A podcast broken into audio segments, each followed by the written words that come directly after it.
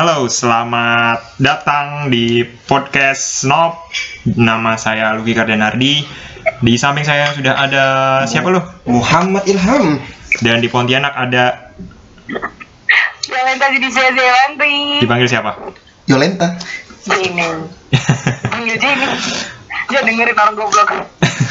Oke, jadi em, karena kita baru episode pertama ya, Eh bukan episode 10 kita ya? Belum masih pertama. OTW 10. Iya. Eh 10 percaya. juta. Dapat duit 10 juta yes dari podcast bisa. amin, bisa. amin, amin. Bisa. Oke, jadi karena kita baru episode pertama, ya, jadi kita kenalan dulu ya. Nah, tadi nama namanya udah, dan kita podcastnya podcast Snob. Mungkin jadi belum tahu karena baru ya baru baru barusan mu- muncul namanya di antar itu ngobrol tadi barusan sama 4 Ilham. jam sebelum tag baru dapat nama Iya. Snob. Buset Iya. hebat. Iya.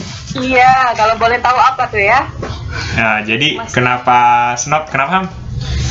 Karena kita akan menjadi orang-orang yang senop di sini. Ah. Dalam artian kita memberikan wadah untuk anak-anak senop yang biasanya rame di Twitter untuk anak-anak sejue, sejue ya. Sejue ya nih, sejue. Untuk mereka ini wadah-wadah. Jadi kita berdiskusi santai layaknya orang-orang senop, ya kan? Dan di sinilah tempatnya, makanya namanya senop gitu. Padahal kita tuh pinter sebenarnya. Iya, iya kita pinter. Jadi kalau misalnya nanti eh, kalian merasa tercerahkan gitu abis dengerin podcast ini dan ngerasa, wih gila pendapatnya keren juga ya, emang keren. Hmm. Dan sebenarnya kalau misalnya kalian beda pendapat, itu juga nggak masalah juga. Kita tinggal di negara yang demokratis gitu. Iya, semua bisa bener. Bisa berpendapat dengan bebas. Iya, Oh. iya berpendapat dengan bebas. Sepokat gue. Sepokat. Ya, emang orang lain juga bisa masih bisa berpendapat sih. Yang lain juga bener, tapi Kita kami- paling bener. Iya, lebih bener, lebih bener aja. Iya. Pokoknya di antara kalian, kalian manusia rendah, kita yang paling benar. Iya, betul. Kita suku Arya. Itu alasan gue temenan sama mereka guys, karena mereka PDE overload gitu. IP 2. Eh, saya 39. IP anjing itu. Turun dari 4 ke 3,9 tuh sedih loh dia. Gue dapetin 3,5 sedih sih Jen? Sumpah anjing gue berusaha di 3,9 turun 1 gitu Jen. Dia sedih Jen. Anjing gak sih? Soalnya kita nggak punya pameran IP, tolong ya anda semua. Lu tetap kalau lu pameran IP pameran. Apa pamer-pameran IP tetap gue yang paling kecil gitu loh. Eh, Tapi yang paling jadi orang gue ntar maksudnya apa tuh?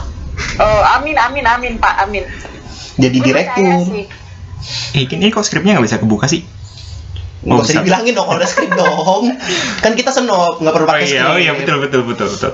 Ya jadi gitu ya. Eh, karena kami sebenarnya agak geram juga karena ba- cukup banyak orang yang sebenarnya tidak tahu tapi eh, tapi berlagu tak berlagu menjadi orang yang tahu gitu. Maksudnya gimana ya? Bener banget. Jadi karena ya mereka sok tahu aja kayak ya gitu deh. Udah nggak nggak Makanya dibahas. karena mereka sok tahu kita kesel, kita kasih lah. Nah, yang namanya apa? Fasilitas. Yoi, fasilitas untuk belajar. Iya. Mm-mm. Nah, jadi saranku, walaupun uh, kami ngomong sedikit ada dasarnya, nanti kalau misalnya kalian merasa tercerahkan, diverifikasi lagi. Silakan baca buku, jangan cuman baca satu buku, tapi baca banyak buku karena orang yang baca satu buku sebenarnya lebih berbahaya daripada orang yang tidak baca buku sama sekali. Tapi ngomong-ngomong soal buku lu ha- selama pandemi ini kan kita lagi pandemi puasa juga nih ya untuk yang muslim selamat berpuasa. Heeh.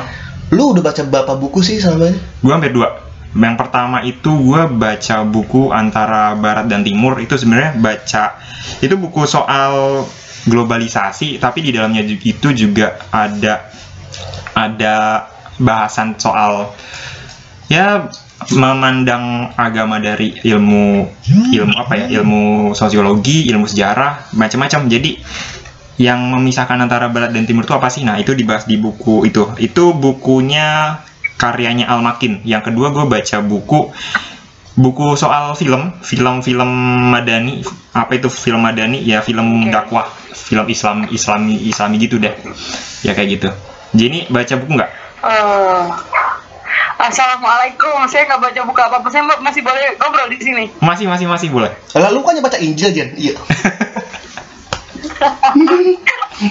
lu jangan-jangan hari ini lu nggak ibadah kan lu? Nggak ibadah kan lu hari ini kan? Iya udah pak, Lu nggak ibadah kan hari ini ngaku lu? gue gue gue ibadah setiap minggu ya mohon maaf nih ibadah gue tuh gak perlu dipamerin soalnya jadi itu kayak cukup gue dan Tuhan gue yang tahu Tapi tetap tidak puasa. Iya. Januari nggak nggak Januari nggak ibadah sama sekali kan Jen?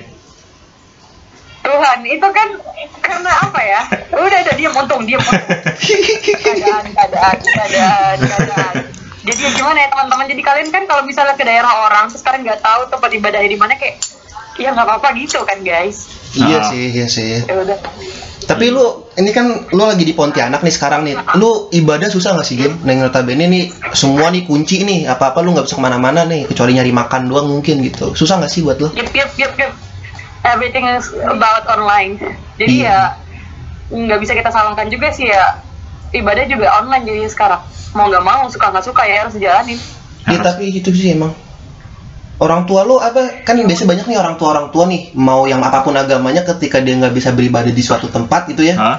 kayak misalnya yang Islam di masjid yang Kristen di gereja kayak gitu. Biasanya kan mereka banyak tuh nggak banyak sih gue nggak bisa menggeneralisir mereka protes tapi ada ini yang oknum-oknum protes gue maunya tetap ibadah di sana gitu. Gue nggak mau online online kayak sekarang atau enggak gue nggak mau sholat di rumah mungkin yang Islam kayak gitu. Iya. Di tempat lu gitu nggak sih Jin, fenomena kayak gitu Eh, kalau gue boleh ngomong nih ya, tapi gue nggak mau kelihatan bener doang, bener banget sih di sini. Wih nggak apa-apa bener banget. Ini kan Gue snob. ngomong, kita paling benar iya gue ngomong, iya gue ngomong dengan apa yang gue pikirin ya di sini. Jadi gue nggak mau ngiring opini orang apa gimana, tapi gue pengen berkom ber apa gue pengen ngomong gitu di sini kalau misalnya ya ini hasil pemikiran gue ya, nggak tahu orang lain kayak gimana. Tapi kayak menurut gue ketika lo menuntut diri lo untuk beribadah di tempat ibadah yang sesungguhnya, setiap orang pengen ngelakuin itu men. Jadi kalau misalnya lo bisa idealis kayak gitu, dan ketika 10.000 ribu orang di Indonesia idealis kayak gitu, ya percuma nggak sih lockdown? Ya buat apa? bener banget sih Gue merasa kayak, gue merasa kayak misalnya lo nggak usah deh capek-capek berbuat sesuatu untuk orang lain. Lo berbuat sesuatu untuk diri lo sendiri aja, yang nggak ngerugiin orang lain. Menurut gue kayak gitu. Jadi kayak sebelum lo fair sama orang, lo fair sama diri lo sendiri deh. Buset Kayak gitu doang. Keren. Gue. Keren.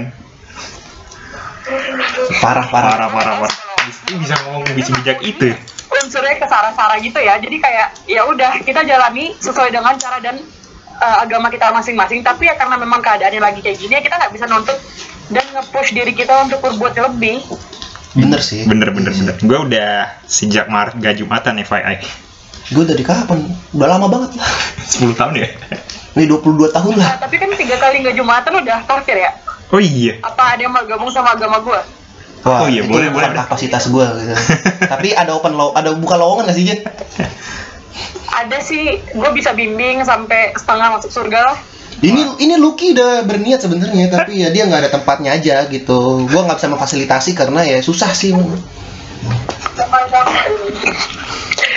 kalau kalau saudara untung kayaknya dia masih ini sih masih pengen tahu seluruh agama sih kayak yang gue rasa dan gue rasa-rasa sih. Dia wisata kerohaniannya kurang. jalani seluruh agama. Gimana?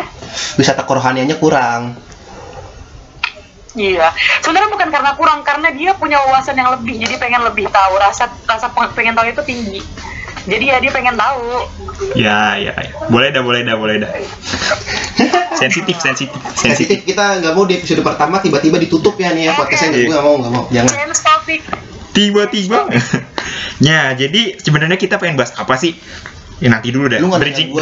apa? lu nggak nanya gue Entar baca kita. buku apa Ya, ya udah gue nggak baca buku ya Iya. skip aja dah Bridgingnya bridgingnya harus cantik dong. beliau harus cantik Iya. anjing gue belum sejago itu Iya, gua- tapi kan gue jago. iya sih Nah, nah jadi sebenarnya kalau eh, di masa-masa pandemi ini kalian ngerasa aman gak sih?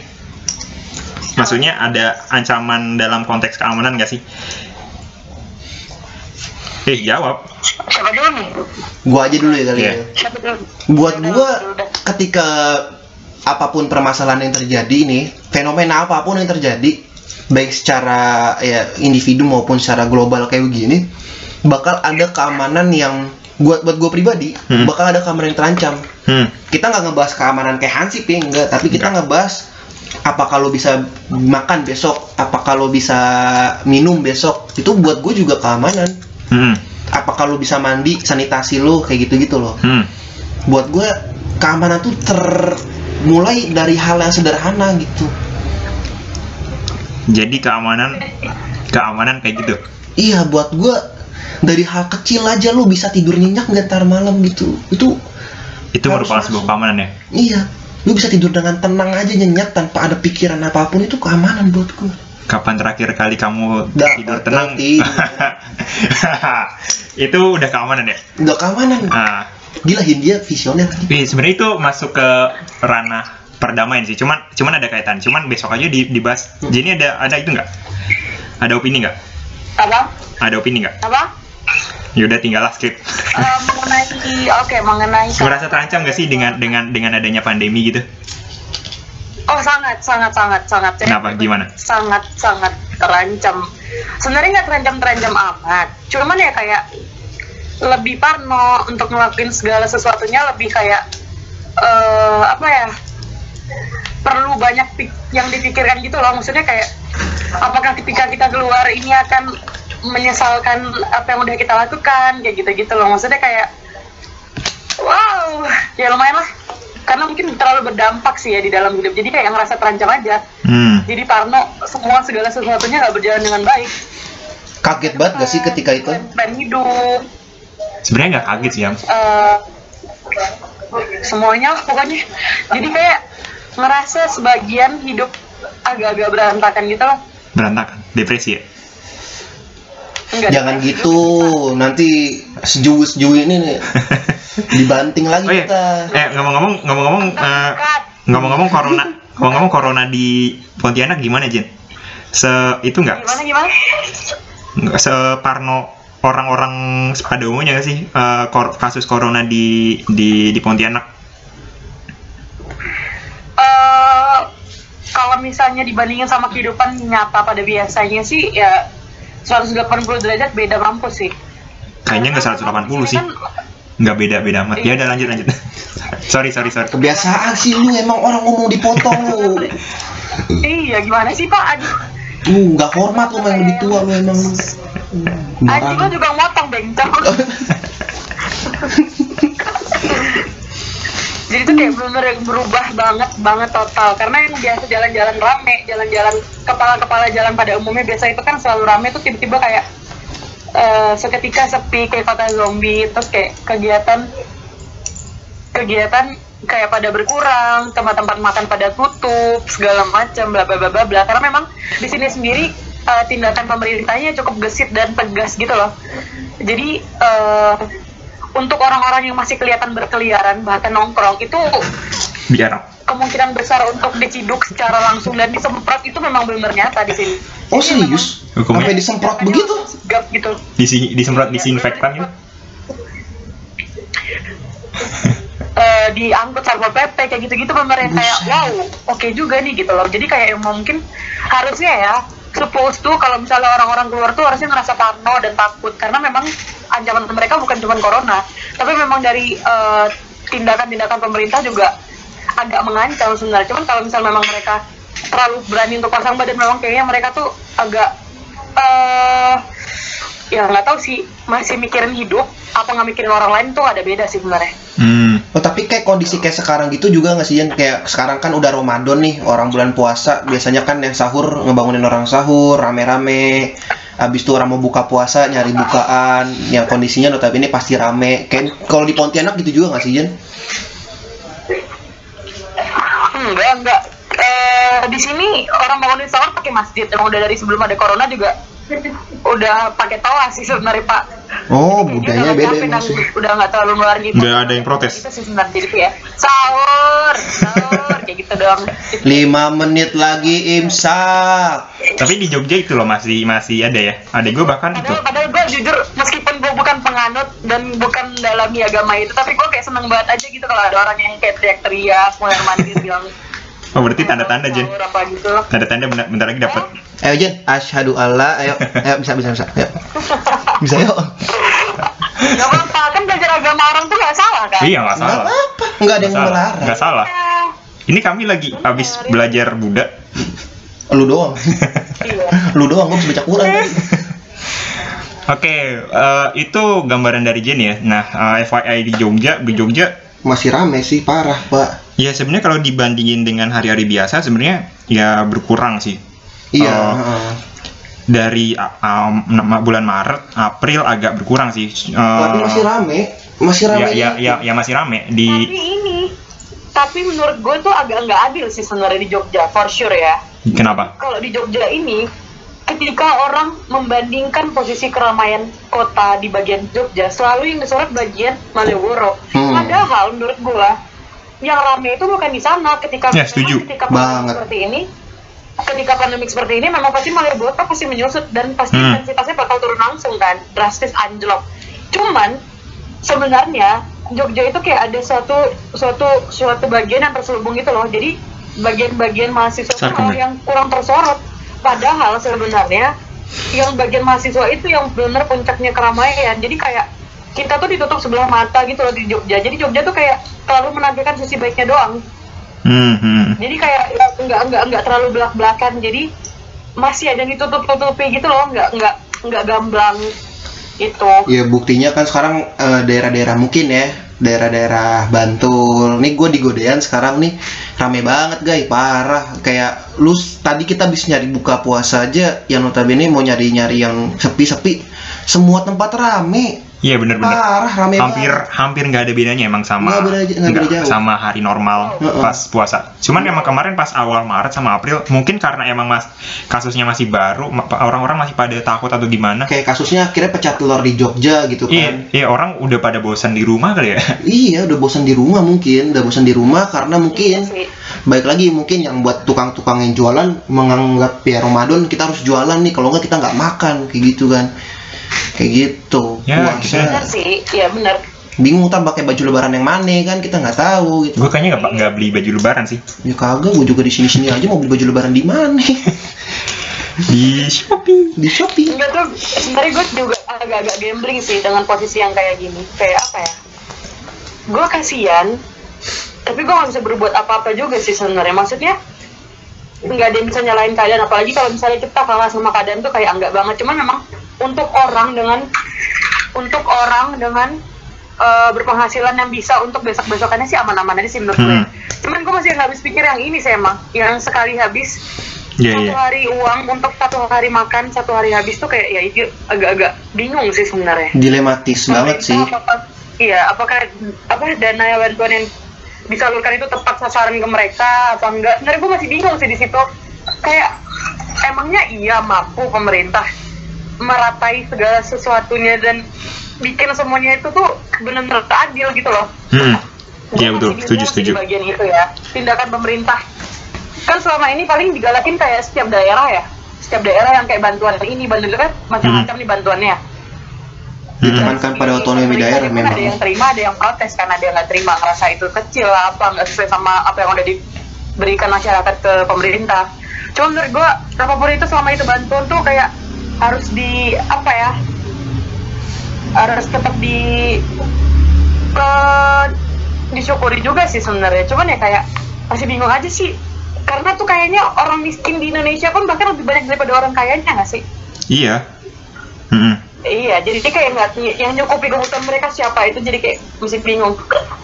Bahkan sebenarnya bisa aja sih no, orang orang miskin tuh di, dikasih bantuan. Tapi yang yang sebenarnya yang sebenarnya rentan itu ya sebenarnya orang-orang yang menengah menengah yang mau yang hampir ke bawah gitu Jen. Kayak apa ya? Menengah condong ya ke bawah. menge- menengah condong ke bawah itu justru yang rentan. Kalau misal in my opinion ya kalau misalnya mencukupi kebutuhan orang miskin untuk beberapa bulan aku pikir sebenarnya ya lumayan mampu lah. Cuman kalau misalnya yang ya- yang jadi permasalahan ini nih ya karena karena orang miskin itu sebenarnya punya bantuan punya perlindungan sosial juga. Tapi orang yang menengah ke bawah ini yang kalau di apa ya secara konsepnya itu orang yang termasuk golongan rentan itu masih menengah itu mereka nggak punya perlindungan sosial. Nah itu yang mbak yang yang cukup bikin ribetnya itu di situ. Yang yang paling kasihan emang orang yang menengah kenapa yang di bagian bawah dapat jaminan perlindungan sosial nih? Ekonomi dan sosial. Iya. yang atas ya udah nggak usah dipertanyakan lah. Itu bapaknya beli Land Rover 3 biji masih sanggup mungkin gitu kan istilahnya ya. Yang menengah nih kayak hidup segan mati tak mampu gitu. Anjir gua ada duit nih mau makan buat satu keluarga. Tapi sampai kapan nih bertahan duitnya sedangkan gue nggak mungkin dong ngajuin Benar. ketidakmampuan gini gitu loh. Karena pasti bakal dilihat ah kamu kelas menengah kamu ngapain? gitu. Karena yang biasanya terlihat hanya adalah dua golongan. Golongan kalian dan golongan kami. Iya, bukan kan golongan atas golongan, golongan bawah. Jenny dan golongan kami. Oke. Eh, iya sih. Benar benar benar benar. Sepakat sepakat sepakat. Oke. Ini FYI kita belum membahas topik yang pengen kita bahas ya? Belum. Bridgingnya di situ. Ah. pinter gua- aduh, pinter. Belajar dari kesalahan ngapa bocah anjing? Nah, jadi em, kita tadi ngerasain kalau misalnya gara-gara corona ini kita em, merasa tidak aman ya gara-gara virusnya itu sendiri dan tadi juga kita udah ngobrol eh, dampak-dampak ekonominya banyak orang yang nggak secure, nggak cuman orang-orang yang ke di bawah aja, cuman juga menengah atau kelompok rentan itu juga insecure. Nah, ngomong-ngomong secure, kita bakal bahas apa Ham? bahas mengenai ya keamanan itu sendiri Nah, keamanan itu apa? Ba- buat gua keamanan itu adalah sesuatu hal yang harus dimiliki oleh semua orang.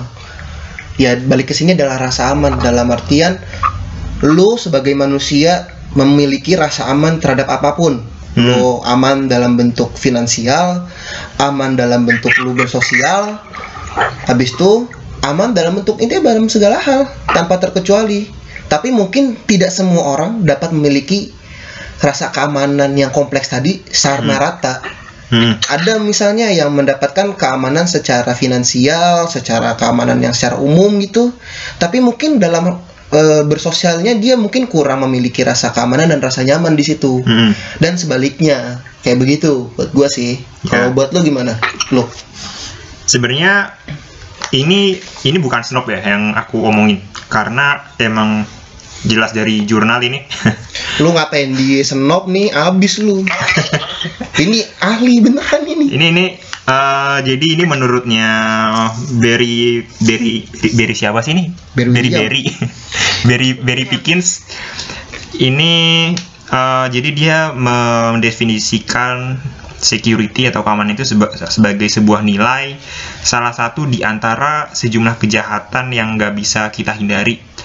Kami mengingin nah kami jadi eh, dia itu menginginkan keamanan. Orang itu menginginkan menginginkan keamanan dan orang-orang itu takut benci dan menghindari rasa nggak aman tersebut. Nah dari persis ini sebenarnya masih abstrak sih. Nanti nanti ada lagi ada definisi lagi. Muka lu abstrak nih. lu. Lu surrealis. Muka gua nggak nyata anjing. Muka gua rata gitu gimana sih? Berantakan banget kayak surrealis muka gua. Jadi gimana Jen? Sebenarnya aku udah nulis sih. Apa-apa? eh, ya kurang lebih sih pendapat pendapat gue kayak ya kalian juga sih. Maksudnya keamanannya ketika kalian bisa hidup dengan rasa nyaman, tenang, tentram, tanpa ada gangguan, hambatan ataupun ketakut- ketakutan yang bakal menghantui diri kalian. Jadi benar-benar ketika kalian menjalankan sesuatu hal yang kalian suka dan biasanya kalian lakukan, hmm?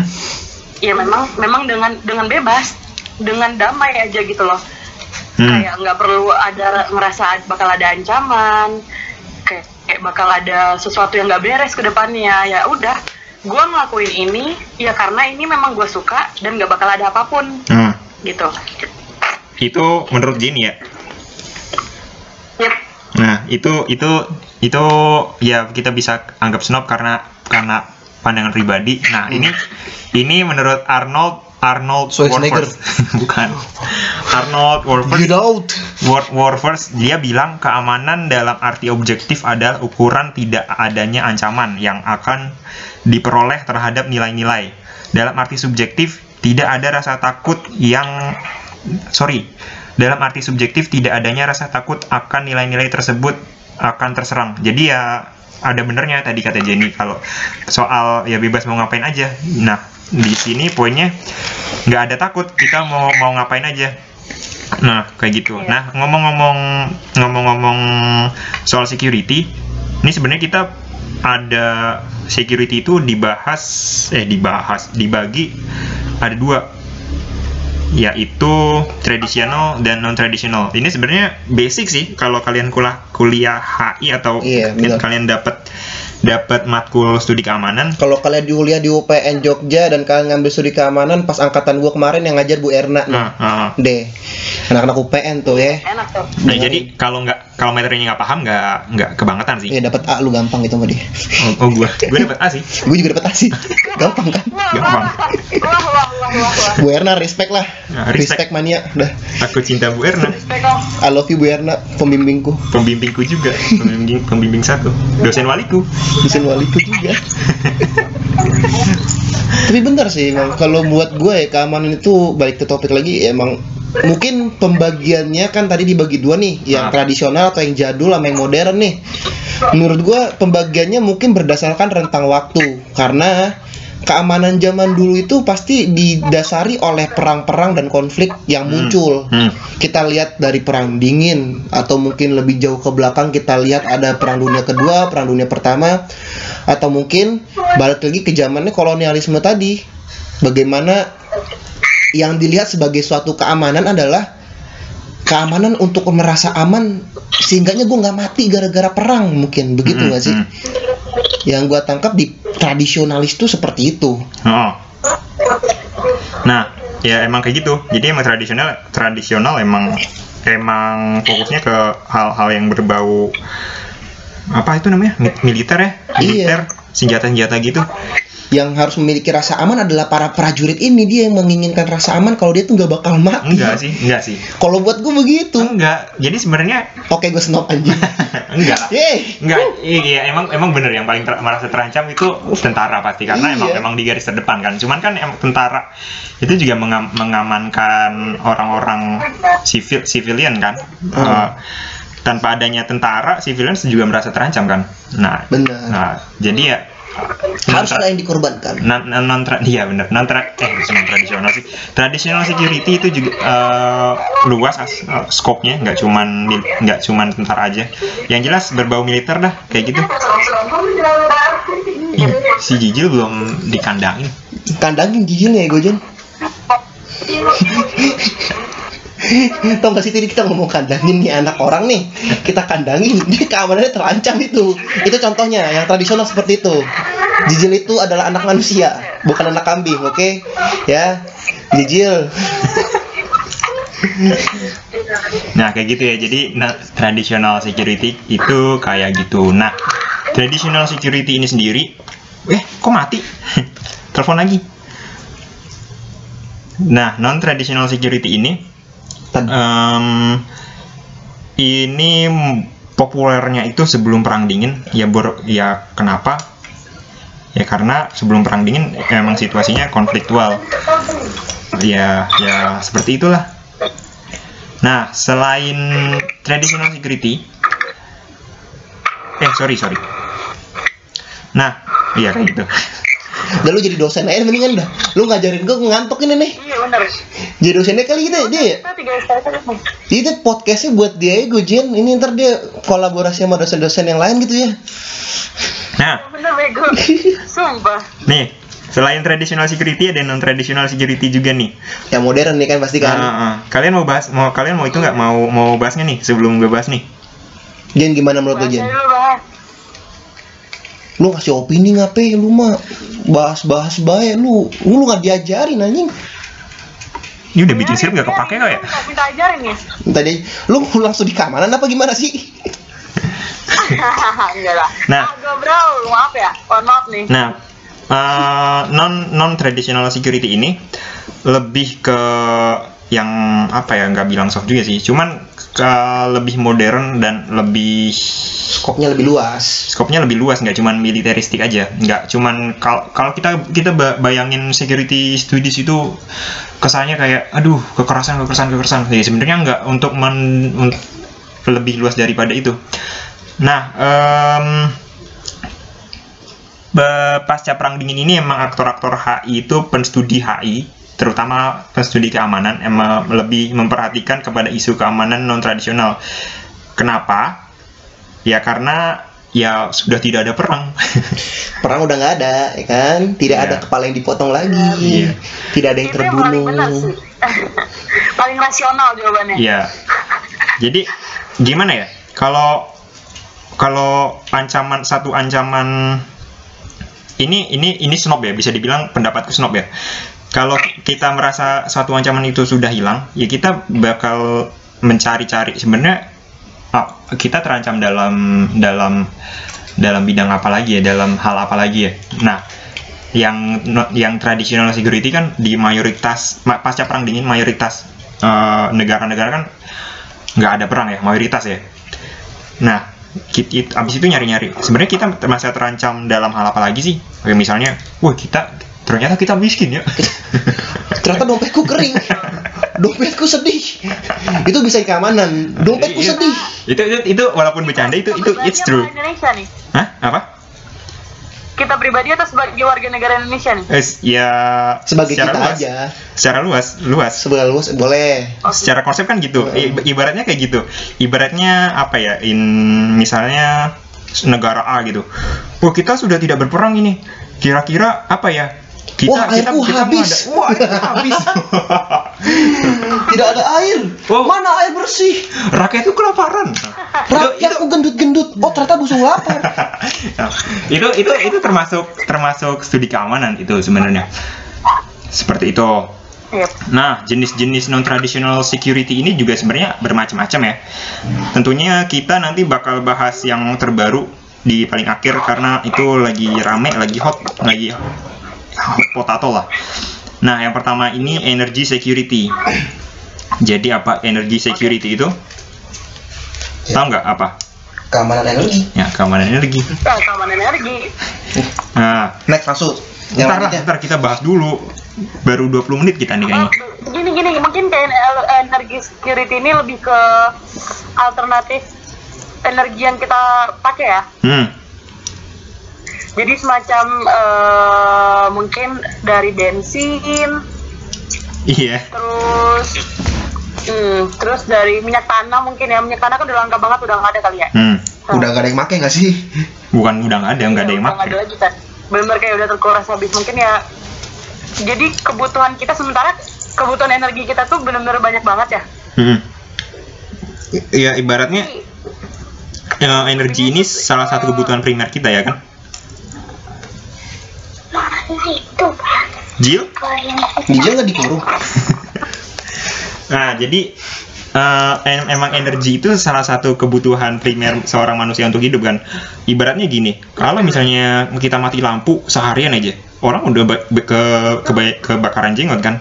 Nggak, kita nggak bisa internetan, nggak usah ngomong internet deh. Kita Gak bisa nonton TV lo. Iya nggak bisa nonton TV. Maksudnya gini, eh, energi itu kebutuhan primer. Maksudnya orang yang mengandalkan sektor energi untuk menjalankan roda perekonomiannya itu, ya semuanya kayaknya butuh energi deh. Iya butuh. Kita podcast ini aja pakai energi. Nah, kita Ya kan? Banyak sekali hal-hal yang nantinya terganggu dan juga ya pokoknya banyak deh. Banyak banget sih kalau masalah energi ya dan itu emang keamanan banget. Nah di lain sisi energi ini kan salah satu kita untuk Indonesia sendiri ya. Untuk Indonesia kan energinya mayoritas masih pakai eh, Minyak bumi minyak kan bumi. Nah, Minyak bumi, habis itu batu bara masih ada iya, yang dipakai. itu kan gitu-gitu. lama-lama bakalan habis juga kan. Iya. Nah kalau misalnya Iya. itu habis kita mau pakai apa? Mau pakai air? Airnya disuling jadi minyak bisa Kalau nggak ya? ada yang ngembangin sih nggak apa-apa sih sebenarnya. Ya mungkin ya bimoli gitu ya. Iya. Merek lagi gua bangsa. Iya. Ya, biar bayar. Iya. Bimoli nih minyak terbaik nih. Apa itu Sanko? Apa? bisa diolah menjadi eh, Pertamax Pro mungkin ya atau bisa menjadi Pertalite gitu ya.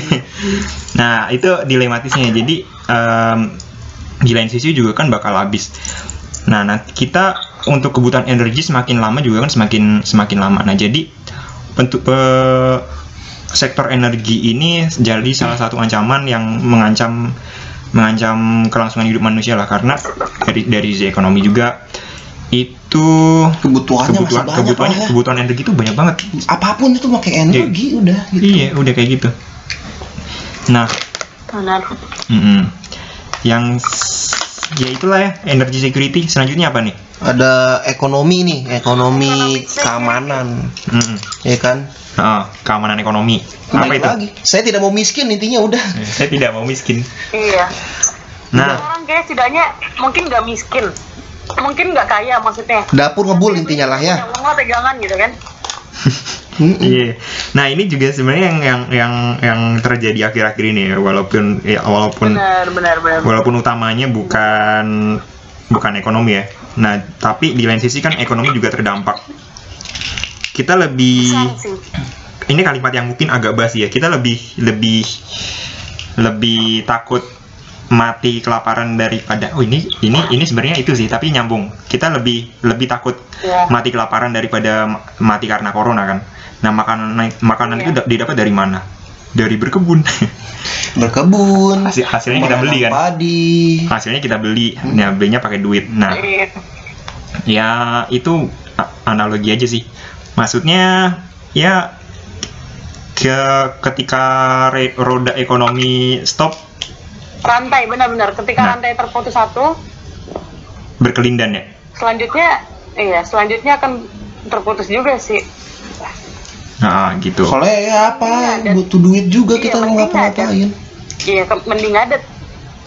Kalau Mm-mm. misalnya benar-benar anjlok, keputus banget, udah kelar rantai makanannya. Iya. nggak bisa kita nggak bisa dapat pinjaman dari orang orangnya juga nggak punya duit ya kan iya benar-benar Iya benar. Nah, tapi ini dari apa yang dibilang Ilham, ini sebenarnya menunjukkan makro ya. Jadi emang kalau dalam dalam dalam situasi situasi, situasi krisis ini pastinya yang krisis bukan cuma krisis perorangan, ya, tapi ini dampaknya dampaknya makro juga kan.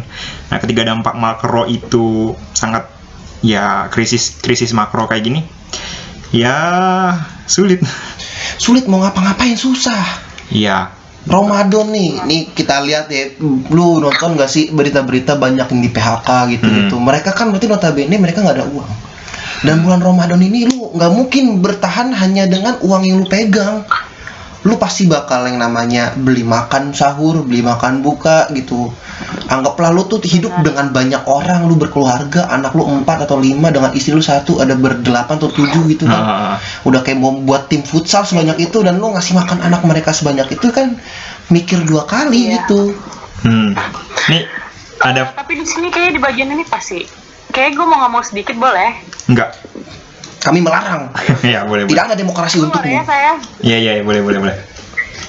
Jadi mungkin di bagian ekonomi security ini memang pada umumnya pada masa ini juga memang orang-orang lagi terancam-terancamnya di bagian ekonomi ini memang. Jadi kayak dari segi apa pun deh masalah pemasukan nggak ada atau mereka mau beli pun kayak mikir-mikir kan karena memang pemasukan nol yang dikerjain nggak ada tapi kebutuhan tetap jalan kan? Mm-mm. walaupun masih bisa dikurangin. Cuman saya ingin agak sedikit berkeluh kesah, aduh ingin agak ya, jadi kayak bahas lu ngomong gua lu apa anjing? Lu saya kamu Saya anda. ada orang tua lu ya makanya ngomong gitu. sebel, Oh, ini. sebel sih. Sebenarnya keluh kesah gue doang sih. Keluh kesah gue doang sih sebenarnya ini agak-agak sebel. Ketika semua orang lagi berhemat maksudnya ketika semua orang lagi meminimalisir pengeluaran istilahnya kayak gitu. Kalau bisa dibilang pada saat ini pun mungkin yang bisa dibilang kaya cuman ya ya perusahaan Netflix kayak gitu-gitu kan atau kuota segala macam lah apa itulah pokoknya kan. Tapi kan untuk sektor lainnya itu benar-benar ada penurunan dan memang tidak ada pemasukan. Sama sekali mungkin ya. Iya sih. mungkin ada yang sama sekali. Cuman di sini agak gue keluhkan kenapa pengusaha properti seperti kos-kosan mungkin atau kontrakan tidak ada memikirkan dan tidak ada membuat suatu pengecualian tentang kayak kondisi dan keadaan seperti ini. lu minta gratisan kan lu kayak bapak kosan lu biar dapat gini dapat gratisan lu buat tolong pak kan corona pak korting lah pak korting Oke oke. Ya kalau misalnya emang kalau misalnya bisa gratisan ya kenapa nggak? Maksudnya gini sih, gue nggak nggak mungkin semua orang yang ngerti juga sih pakai otak juga sih. Maksudnya mereka juga ya barang mereka di sana. Maksudnya ini kan posisinya kosan pada tutup nih, pada tercampur kan orang-orangnya. At least, at least ada pengurangan biaya lah berapa persen istilahnya? 90. Ya. Potongnya 90% Pak, dia gitu, tetap Pak. pemasukan. Sementara orang-orang yang untuk bayar dia itu lagi nggak kerja bro, gitu loh ngerti nggak sih? iya kayak lo nggak adil, lo nggak adil, lo dapat masukan sendiri dengan 100% tanpa ada pengurangan, tapi posisinya orang yang bayar itu sama sekali benar-benar lagi kondisi pekerjaan tuh lagi di cut dan di stop maksudnya kalau emang pemasukannya muter iya kalau misalnya pemasukannya berhenti itu dia mau ngapain gitu at least tuh kayak mereka bukannya harus bikin kebijakan dan uh, kebijakan yang setidaknya kayak ada pengurangan berapa persen lah istilahnya. Bukannya pada saat ini yang ada di kosan tuh bukan manusia ya. Lebih ke barang-barang kan jadi posisinya listrik wifi kan juga nggak digunain nih. Penitipan barang doang. Apa yang mereka bayar juga iya dan sih. ini gue juga menepis gue juga menepis kalau misalnya emang mereka punya jawaban yang kayak gini bunyinya kayak ya kalau misalnya kamu nggak ada di kos itu kan bisa orang lain yang ngisi. Ya siapa yang mau ngisi? Anjir kondisi kayak gini. Kalaupun emang itu kosong tempatnya orang lain juga nggak bakal ada yang ngisi gitu loh. Kenapa mereka nggak berpikiran tuh kayak fair gitu loh? Fair sama keadaan fair sama ya maksudnya kita siapa sih nggak mau untung tapi tidaknya tuh nggak mau saya. Eh, udah deh otak-otak otak-otak culasnya jangan dipakai deh. Ya ini pesan untuk para para yang punya kosan nih bang.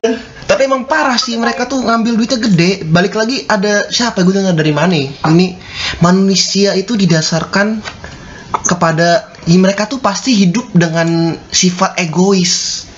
Begitu. Egois dalam artian iya apa pun yang terjadi sama lo pasti selama itu nggak terjadi sama gue gue nggak bakal ngelakuin hal baik buat lo gitu benar tapi gue nggak bisa menggeneralisir karena ada juga gue lihat lihat di berita atau di twitter yang bapak kosannya ngasih gratis lah tinggal di situ gitu. Ya respect buat mereka. Tapi yang gue sayangkan adalah lo tetap bayar di kondisi kayak gini yang notabene mungkin lo nggak ada di sana karena udah keburu pulang kampung atau apa pun yang terjadi. Iya. dan dia tetap narikin duit gede yang lu nggak pakai air di sana lu nggak pakai uang sa lu nggak buang sampah di sana lu nggak pakai wifi listrik segala macem gitu Benar. sih. Nah. Benar benar benar Iya, iya. Tapi ekonomi ini di antara uh, masa krisis sekarang ya.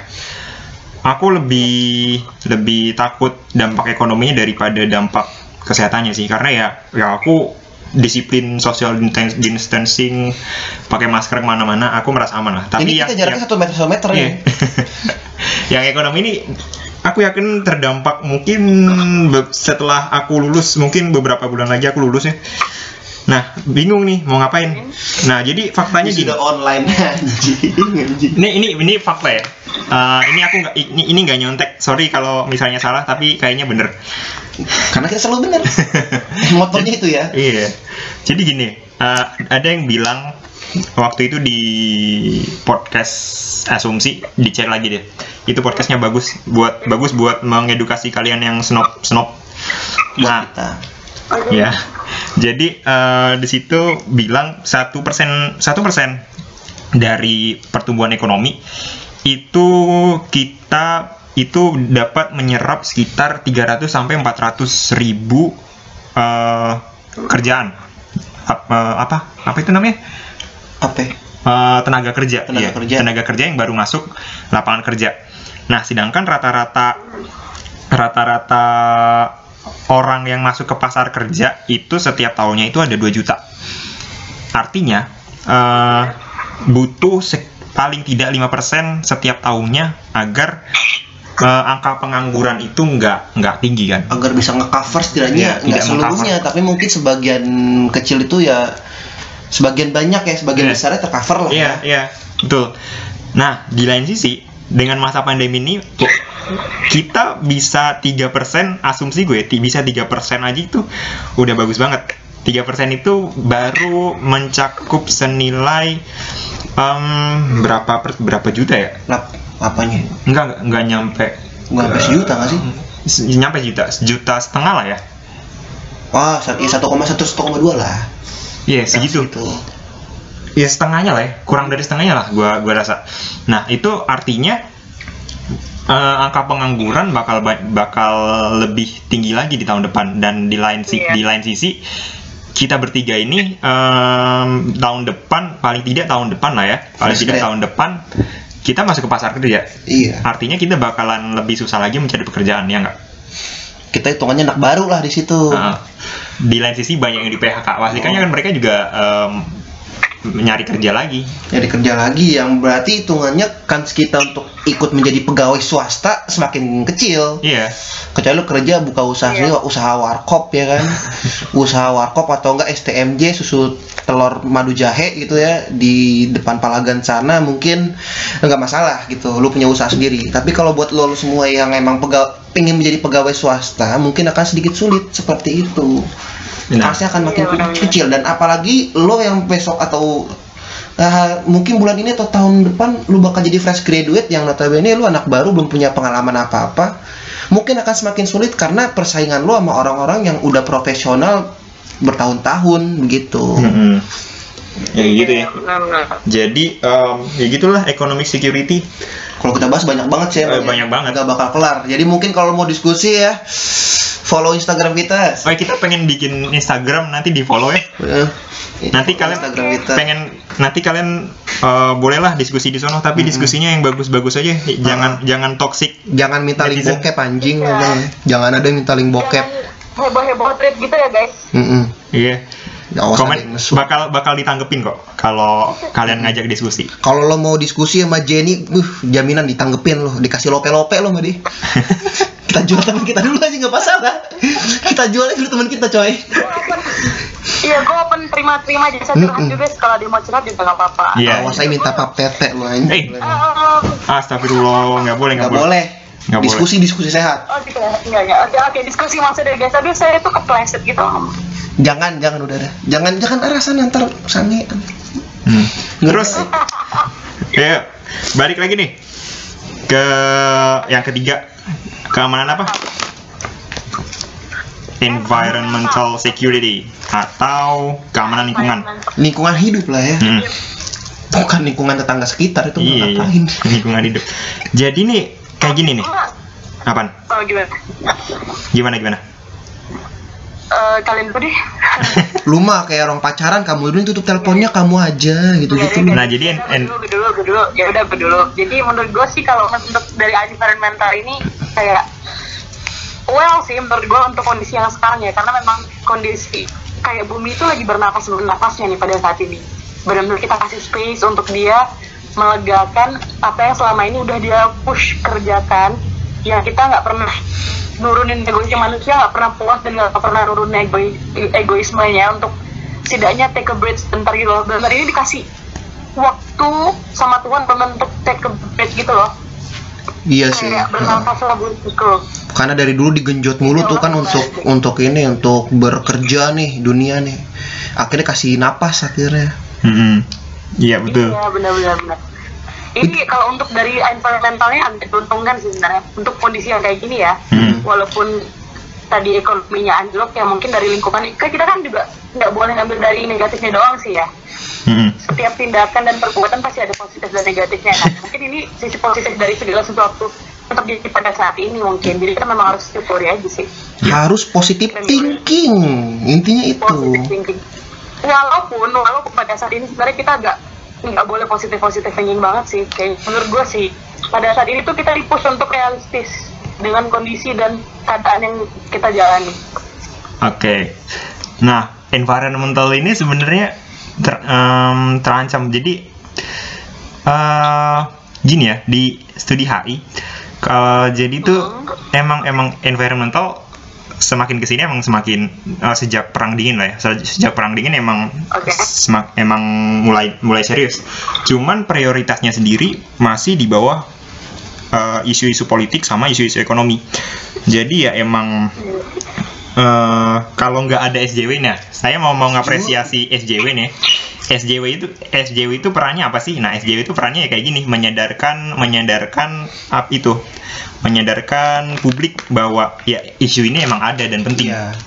Tapi Karena- SJW yang bijaksana, jangan yang menyebalkan ya. Iya. Itu ada SJW yang ini disrespectful itu jangan kalian tiru. iya iya betul betul Ya. jadi emang emang kayak gitu buat menyadarkan karena untuk kepala negara sendiri ya ini bukan hal yang salah nah, emang emang normalnya seperti ini kalau kalau emang eh, isu-isu lingkungan itu masih di bawah isu-isu ekonomi dan isu-isu politik.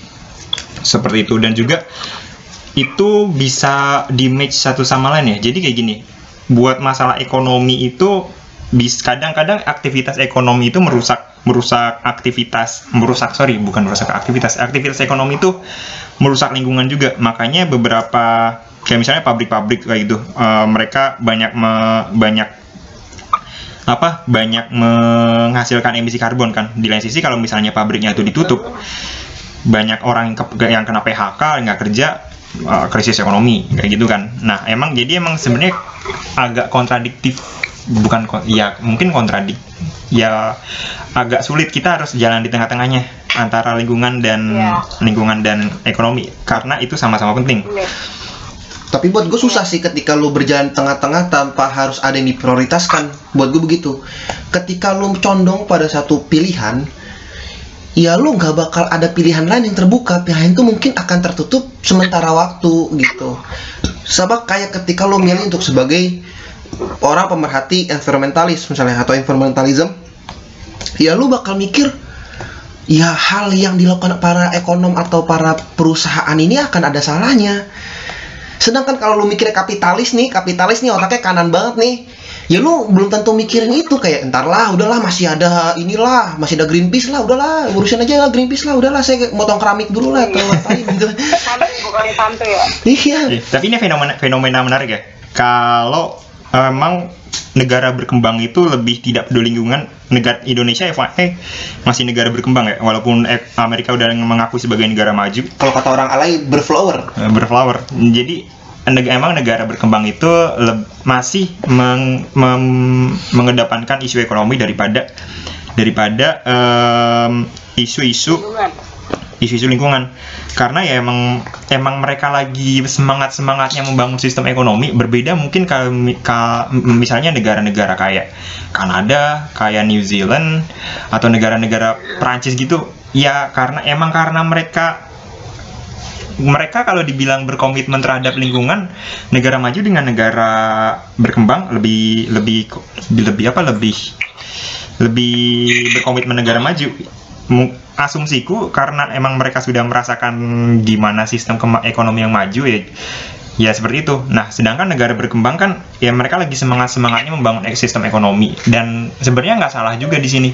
Karena kalau misalnya sistem ekonominya nggak di- dikembangkan ya rakyatnya rakyatnya terus berkembang kan. Maksudnya rakyatnya juga butuh makan dan lain-lain. Kalau misalnya nggak diurusin banyak pengangguran dan lain-lain gitu kan.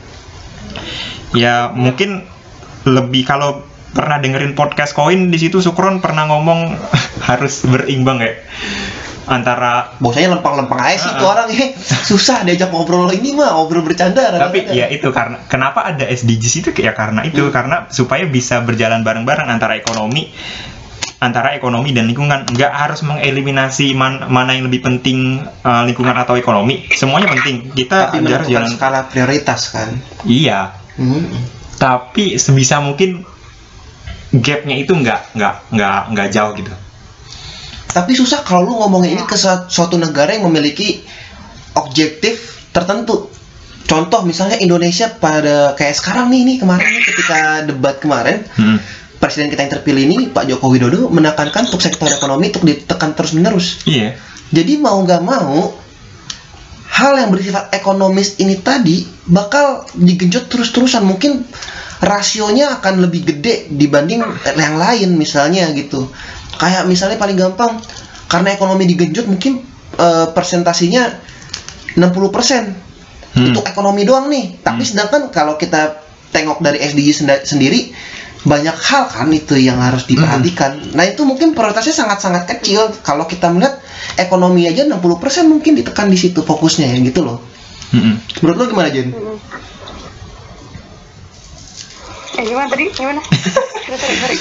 Ya kayak gitulah nah tapi aku eh, gua- nih di karena menanggapi opininya Jenny tadi ya kita lagi bernafas-nafasnya bisa jadi eh, setelah masa pandemi ini kita balik ke neraka lagi maksudnya lebih neraka daripada lebih neraka lebih neraka daripada sebelum pandemi tahu gak kenapa Hmm. jadi gini karena em, industri itu sempat terda ter apa ya Dendam.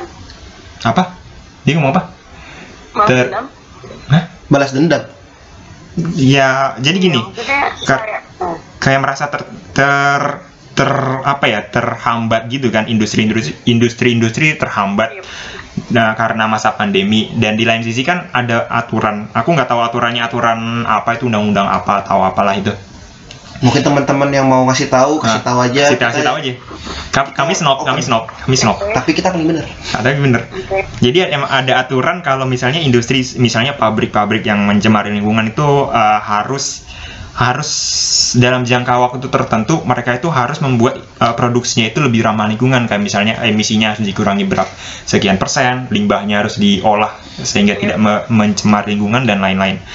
Tapi di masa pandemi seperti ini em, untuk untuk mengurusi lingkungan artinya gimana caranya nge- mengembalikan eh, istilahnya itu perekonomian publik stabilitas pabrik itu ke kondisi semula kan. Nah itu kan juga butuh butuh waktu. Nggak nggak habis pandemi itu langsung wah pabriknya langsung ke ke keadaan semula.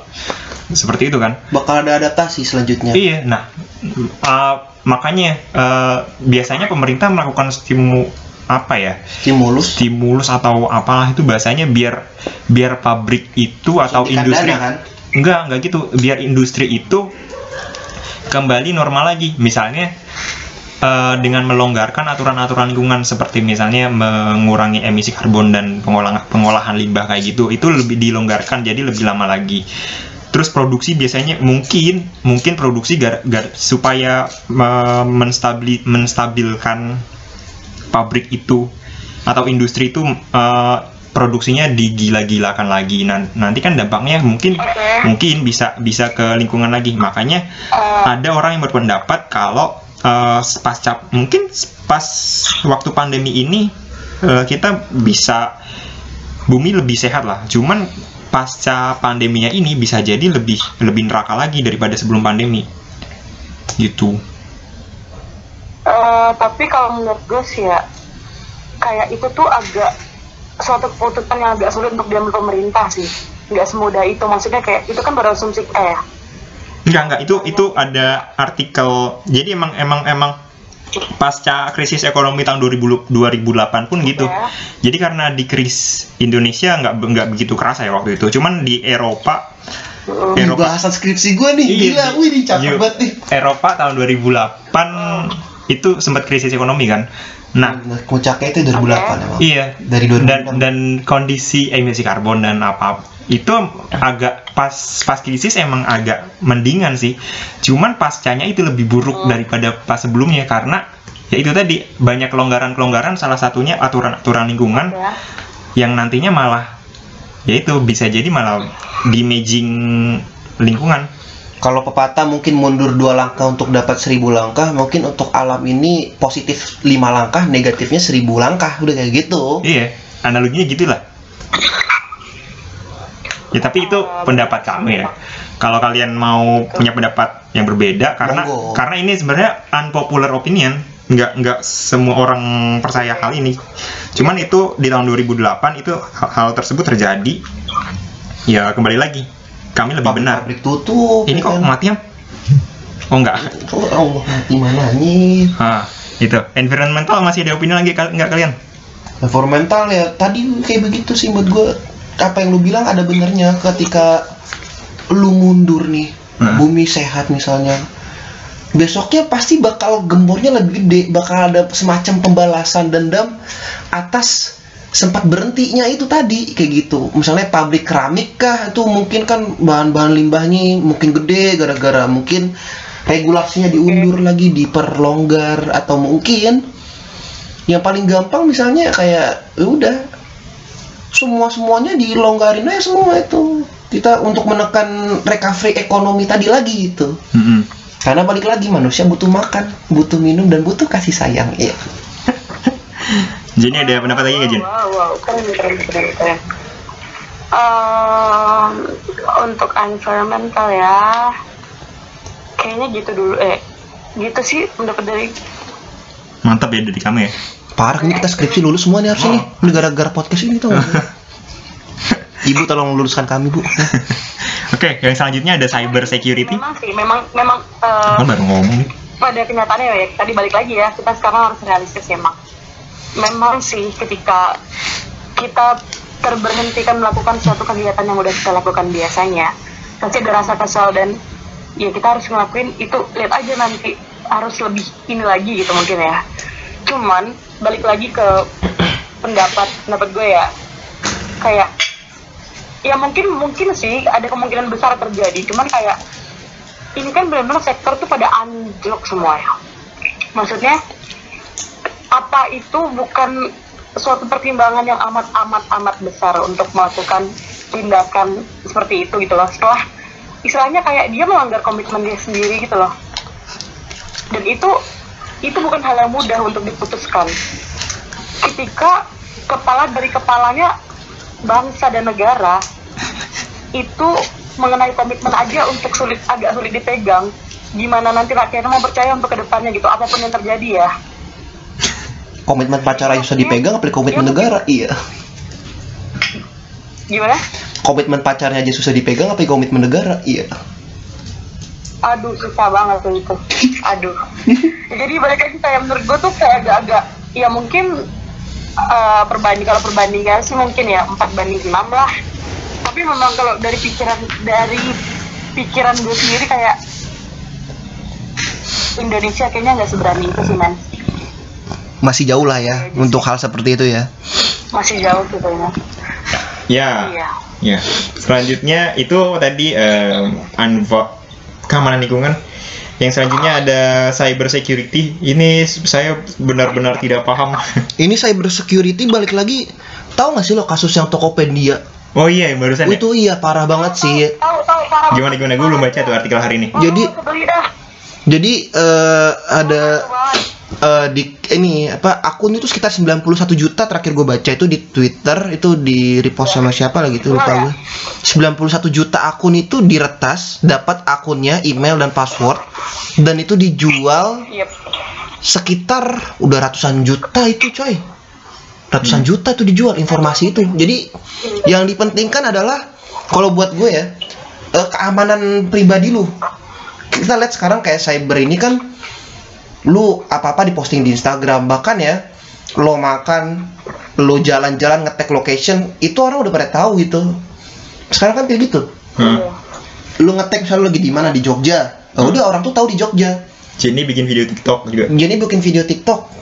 Ketahuan gitu kan tas kayak misalnya di mana nih? Locationnya di track parah banget sih emang misalnya Oh, iya, eh serius iya, ini iya. kayak misalnya IP lu tuh bisa kebaca IP internet lu bisa kebaca lu di location di mana speed internet lu berapa benar benar. eh, alamat lengkap rumah lu bahkan bisa ke track gitu loh. Sekarang udah nggak ada yang namanya kalau kata anonimus sudah tidak ada yang aman di dunia ini gitu. Karena emang iya. sejatinya lo udah membongkar ini semua kayak yang gampang gini lo mau daftar Instagram deh pemakai nama lengkap pakai email pakai password. Ya kan keluarga negaraan lu udah kebaca nih Indonesia. Berarti ntar nih rekomendasi lu ya orang-orang Indonesia semua ntar di feed Instagram lu begitu. Iya.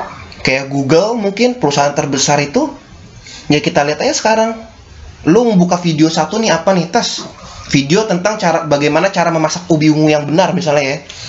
Cara memasak ubi ungu yang benar. Nanti di halaman YouTube lu udah tentang ubi ungu aja sih ya udah kayak gitu benar benar benar benar benar benar. Misalnya lu buka apa ya buka eh, Tokopedia lagi atau misalnya e-commerce yang lain eh, misalnya nggak buka sepeda motor tas sepeda motor eh, ini misalnya apa apa ini motor Yamaha misalnya atau apa gitu kan.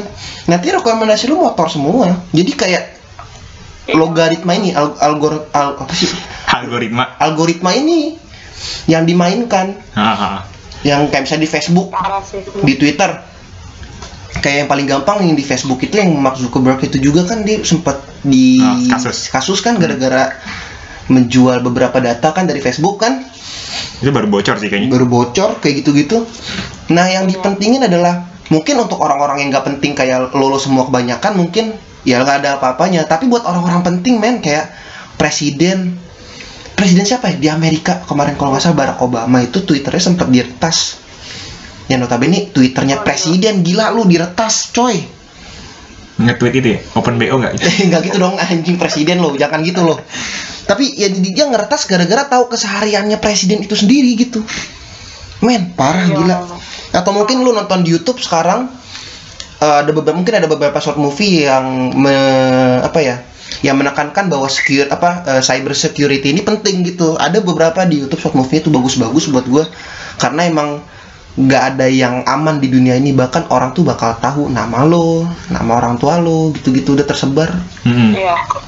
Nah, ini em, aku jadi itu eh, ingat ingat Pak Erick Thohir. Nah, jadi Pak Erick Thohir itu dulu pernah eh, bilang, bukan bilang ya, ya emang bilang. Jadi dia pernah kalau pakai mulut namanya ngomong sih Iya. emang iya. J- Jadi gini, dia pernah jadi dulu Kementerian BUMN itu pernah mengusulkan pembangunan gedung arsip, tapi Erick Thohir nggak mau nggak mau nggak mau melak- memuluskan hal itu karena apa? Ya karena arsip bisa disimpan di cloud di internet Hmm. di cloud ya kan. Nah itu bisa menghemat triliunan mungkin miliaran atau triliunan rupiah jadi emang hemat. Nah di lain sisi dengan ancaman cyber security arsip-arsip BUMN itu kan jadi terancam kan? Iya benar. Nah ya jadi balik lagi. Ini sebenarnya security-nya bukan cuman level eh, individu aja ya cuman bisa ke level negara juga. Kayak tadi Ilham, Ilham cerita soal Obama walaupun Obama itu ya ya orang cuman kan dia orang spesial. Notabene dia adalah seorang presiden yang yang aktivitasnya di spionase mungkin oleh orang-orang yang punya kepentingan negatif terhadap negara Iya. itu bisa jadi hal yang berbahaya juga buat Amerika. Iya kasus kayak kemarin waktu itu pas zaman Presiden SBY waktu itu dispionase lewat sambungan telepon dari Australia. Nah itu kan menurut gua itu cyber juga gitu permasalahan kayak begitu. Abis itu kalau lo uh, gamers nih lo main PS4 mungkin atau PS3 coba lu mainin game Watch Dogs. Itu Watch Dogs 1 Watch Dogs 2 itu tentang ini cyber juga. Dan itu emang di dunia nyata ternyata kejadian hal yang serupa tapi dibuat sebagai eh, ini doang. Dibuat eh, rekayasa dalam artian ya inilah sebenarnya kejadian di dunia nyata pun akan terjadi atau sudah terjadi kayak gitu. Hmm. saking berbahayanya cyber itu sendiri. Dan gue yakin tidak ada satupun orang di dunia ini yang nggak pu yang data pribadinya nggak ini yang aman lah. Hmm. anak bayi aja gila lu. Siapa yang anaknya ini? Si Gempi Gempi. Lu save Gempi itu tuh. Ya Gempi itu ya udah punya Instagram sendiri atau ikut sama orang tuanya yang di tag tiap hari itu ditontonin orang mulu. Kayak orang kalau orangnya jahat udah bisa bisa nyulik itu anak kali gitu kalau jahatnya ya gitu. Jadi saking bahaya tuh gitu kontes cyber cyber apa Cyberbullying. Cy- ya cyber security dong. Cybersecurity. cyberbullying pun juga merupakan salah satu concern dari cyber security itu sendiri gitu. Mm-mm. banyak banget gila itu permasalahan cyberbullying yang akhirnya orangnya sampai bunuh diri bahkan. Trauma mendalam. Itu pun masuk ke cyber security yang di mana wah gue nggak aman nih di internet. Gue dibully mulu nih apa segala macam ya. Itu akhirnya menjadi concern modern karena zaman dulu mah boro-boro orang ngegunjingin orang lain kayak siapa itu yang KKI. Ya, iya kan maksudnya cyberbullying keras banget dunia internet men banyak orang brengsek di internet Jadi juga kayaknya ngebully KKI sih. wah yo lo Iya sih. oh, kan iya kan lo ngaku lo Kenapa Jin? Kenapa Jin? Kenapa dibully? Iya sih emang cyberbullying. Apa gimana? dia ngomong lu tuh ngebully KKI juga bukan KKI ke kanan ke kanan ke kanan kita ngomong ke kanan ya ke kanan Kaki, kaki. ke, ke kiri ke kiri ya ke kiri Heeh. maksudnya ya gila parah Tapi banget sih sebenarnya kalau tapi eh, kalau dipikir-pikir emang cyber cyber ini tuh benar-benar kayak bumerang sih ya. Bisa buat suatu kebaikan ya baik banget. Tapi kalau ngancurin juga ngancurin banget. Ya, itu kan cuma alat Aja siapa memang yang- Iya. Jadi kayak bom waktu aja sebenarnya sosial media tuh bom waktu sih menurut gue ya. Mm-mm. Kayak gimana cara lo menggunakannya entah baik atau entah baik atau enggak, lo bakal bakal ma- menikmati apa yang lo lakukan di media sosial itu sendiri. Iya sih, makanya kan ada yang orang tuh kecanduan sosial media itu kan, kecanduan sosial media dan sampai masuk ke dunia psikologis juga mungkin kayak gitu. Yang notabene udah haus akan likes dan komen gitu, haus akan engagement yang ya orang kalau nggak buka Instagram sehari barang sehari susah gitu. Parah. Mau nggak mau ada yang namanya campaign kan puasa sosmed. Banget sih ya. Iya. Iya. Iya, aku lagi puasa sosmed loh. Nggak pikir banget sih. No, puasa sosmed itu juga penting kan bagi kejiwaan seseorang mungkin ya kan karena mungkin udah ketagihan main gadget. Wow. Iya, betul. Seminggu ini saya lagi seminggu terakhir ya, seminggu terakhir lagi puasa puasa sosmed, nggak buka Twitter, nggak buka Instagram. Ya sebenarnya buka Instagram sih, cuman nggak berinteraksi sama teman-teman. Ternyata ini men- men- menyenangkan sekali, menyehatkan. Mungkin perlu. Gue makan hati lo kadang-kadang buka Instagram ngerti gak sih? tak teman udah lulus. Udah lulus gue langsung force close tau nggak langsung gue close anjing udah pada lulus lagi. Uh, uh, buang buang buang buang. Jadi overthink. Iya, Oke. ada yang ulang tahun wah, gua, kapan gue ulang tahun? Sepertinya kemarin ulang, ulang tahun terakhir aku. ulang tahun akhir-akhir aku sepi banget. Kok ini rame? Gila. Ah, tapi emang iya sih, emang kayaknya kita terkadang orang perlu agak bernapas sedikit menjauhi segala ketoksitan yang ada di sosial media sih. Dengan benar, mungkin eh, di aktif Instagram tuh memang banyak banget sih. Menurut gue emang nyaman, tentram. Kita kayak bisa ngerasain hidup kita yang dulu tanpa teriming-imingi media sosial gitu. Iya. Bener aman banget. Iya. Gue pengen ini sih, memang pengen puasa sosmed tapi selalu banyak apa ya, banyak pertanyaan di otak gue. Nanti lu kalau gabut ngapain ya gitu loh. gitu loh, apalagi kondisi kayak gini, gue nggak bisa gitu. Rutinitas gue pasti di sosmed gitu. Walaupun gak ngapa-ngapain, gue cuma buka feed orang. Kalau udah emosi darah tinggi, liat orang wisuda, gue close lagi gitu. Susah gitu. Atau nggak ngeliat orang bodoh nih di Twitter atau di YouTube, ya udah, gue nggak mau komen apa-apa, gue force close, gue main game aja, kayak gitu ya rutinitas gue selama ya pandemi kayak begini. Tapi baik lagi emang keamanan cyber itu tetap penting, apalagi ya hoax hoax kayak gitu juga. Oh, Facebook bos, bos parah. Apa ada yang ngelakuin riset ya lo? Parah, parah, parah. Facebook tuh ladang hoax paling gede di antara sosmed yang lain, boy. Parah Soalnya itu. yang pengguna itu tuh sebenarnya tergantung tergantung usersnya juga juga sih menurut gue ya. Karena memang Iya, kan kalau. Facebook tuh kan segala usia tuh lebih banyak banyak lebih banyaknya bahkan ke orang-orang dewasa dan tua ya, yang kayak agak untuk penyaringan penyaringan info hoax atau enggaknya tuh emang nggak kurang. Jadi memang ya gampang aja sebar tersebar di sana gitu loh. Nah iya. Next kali ya langsung ya. Iya. wadahnya. Udah satu jam ternyata. Udah lama juga kita. Wah kita ngobrol kayak begini emang teman-teman ya. Kita Ya. wah sampai jam 2 Heeh. Nih podcast sampai 5 jam jadi nih. Jadi. Mohon maaf nih, Kapan? baterai baterai gue udah 100% mohon maaf ya. Di charge. Di cas uh, gue cabut ya. ada teknologi namanya charging. Oke kita ke selanjutnya ya. Nah ini yang paling yang lagi yang lagi hot potato nih, Hot potato banget lah ini nih. potato. Top tier lah dalam permasalahan dunia Iya. sekarang nih. yaitu health security. Jadi, nih ini nih ya. Eh, sebenarnya agak terganggu sama orang-orang yang yang bilang konspirasi atau apalah. Nah, jadi Iya. sebenarnya apa yang diungkapkan Bill Gates tahun berapa tuh 2015 ya? 15 apa 16 pokoknya lagi konferensi Iya, iya. seingat gue tuh. Iya, itu di TED di TED di TEDx itu emang sebenarnya ada dasarnya. Jadi eh, Bill Gates itu bukan orang yang meramal, emang emang orang penstudi keamanan itu khususnya non tradisional emang udah tahu bakal ada health sec, ada bakal ancaman ba- bakal ada ancaman itu ancaman keamanan dunia dan emang corona ini bukan oh, bukan yang pertama kan dulu ada flu Spanyol dan Iya, da- dekat-dekat ini walaupun nggak dampaknya nggak seluas corona ada ada MERS, Ada SARS, MERS, SARS, flu burung, Babi, flu flu babi, burung. DB. Iya kan? Nah, jadi berkaca dari hal itu, ya bisa bisa jadi eh, bakal ada ancaman kesehatan seperti corona ini dan terjadilah pada tahun 2020. Jadi tahun ah, yang aku agak nggak agak terganggu sih dengan orang yang bilang Bill Gates adalah pelamar adalah pencipta corona. Buktinya tahun 2015 dia ngomong seperti ini. Ya kalau misalnya dia mau dia mau bikin kayak gitu dia nggak ngomong-ngomong lah. Biar orang nggak curiga Kiwawar dia itu bukan Bill Gates tuh bukan kiwawar orang bojong soang anjing. Dia tuh peneliti juga gitu ya Allah. Susah amat kayak percaya sama peneliti gitu ya. Iya. Lu kalau nonton film-film kayak Resident Evil atau film-film yang tentang inilah tentang politik-politik tapi ada virusnya tuh. Hmm. ya politician it's do, always doing stupid things when it comes pandemic gitu loh. Tolonglah. Just believe with scientist lah gitu. Nah ini nih film juga nih ya.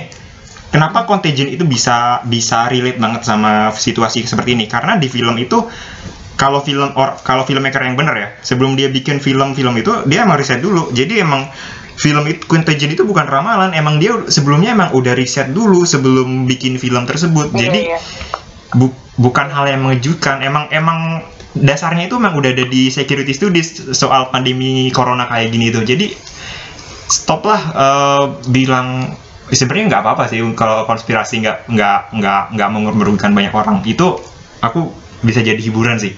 Cuman kalau misalnya udah sampai merugikan orang me- itu ha- perlu di stop sih. Nah jadi gini nih. Eh, ini aku punya opini kak.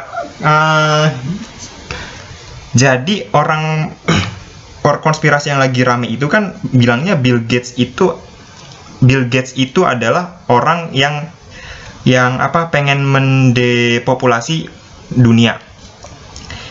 Kan eh, tagline-nya konspirasi adalah eh, bebaskan pikiran kamu. Bebaskan gerakmu.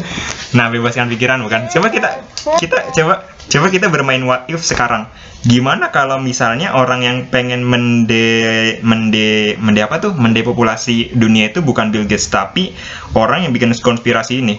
Yaitu dia pengen bikin dia, sengaja bikin konspirasi kayak gitu supaya orang percaya nggak percaya terhadap vaksinnya Bill Gates. Kemudian orang nggak mau di- divaksin dengan vaksinnya Bill Gates. Kemudian pandemi ini semakin lama semakin lama korbannya semakin banyak semakin banyak. Dan apakah ketika faktanya memang seperti itu apakah Bill Gates yang yang yang yang ingin mendepopulasi? Ini bu- aku bukan buzzernya Bill Gates ya. Cuman kalau kita bermain what if ya kayak kayak gitu. Dan dan di lain sisi juga Bill Gates sebagai pencipta corona ini juga kan belum belum ada bukti yang kuat ya. Maksudnya Oke. masih bias. Ya emang konspirasi emang kayak gitu. Emang emang dasarnya bias. Seperti itu. Oke. nah jadi kayak gitu. Dan eh, ya kayak gitu deh. Iya. Kita respect sama mungkin apa ya pendapat orang-orang yang mempercayai itu menganut uh, konspirasi itu sendiri. Tapi ya ya baik lagi kita juga punya alasan untuk mengapa tidak mempercayai itu secara serius gitu. Konspirasi buat kita emang sebagai bahan bercandaan doang nggak sih?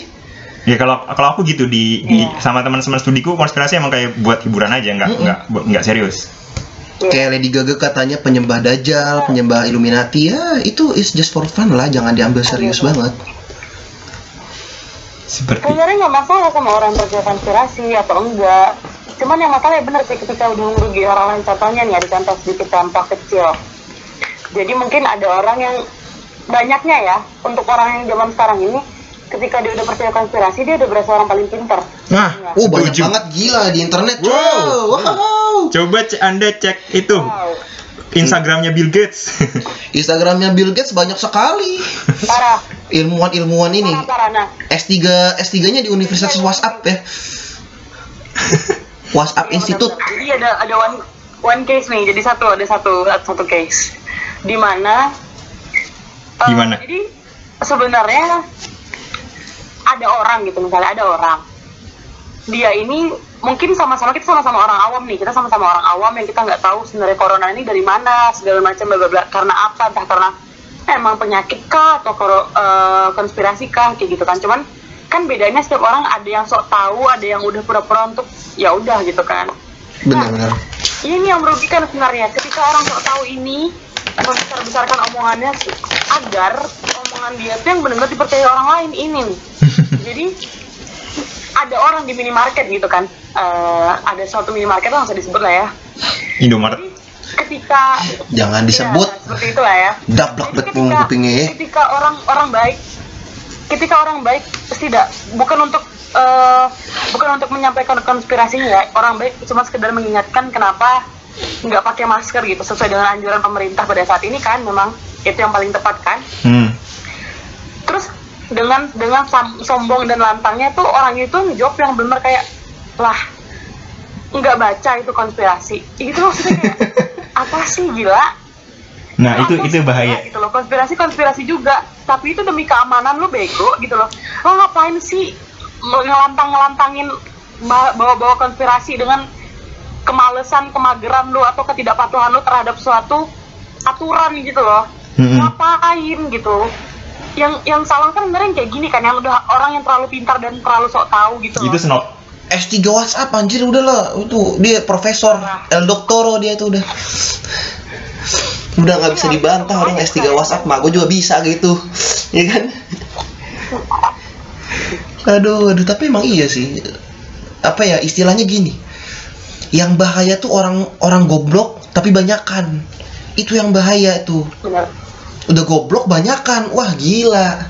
Iya. Sebanyak apa pun orang pintar kalau orang goblok itu banyakan susah lu ngasih taunya Rukia juga nggak nyanggup itu Jadi gini, em, konspirasi itu emang sebenarnya kalau di kita baca-baca soal konspirasi itu sebenarnya hal yang menarik loh. Nah, kenapa kenapa orang banyak baca konspirasi? Ya karena hal itu menarik. Ya bayangin kalau misalnya baca skripsiku lah. Itu orang mungkin pada ngantuk kali. ya Pada karena ngantuk, ya iya, kan? karena karena tidak packagingnya tidak seperti itu. Nah, contoh minggu lalu kalau nggak salah, aku tuh buka video konspirasi menarik.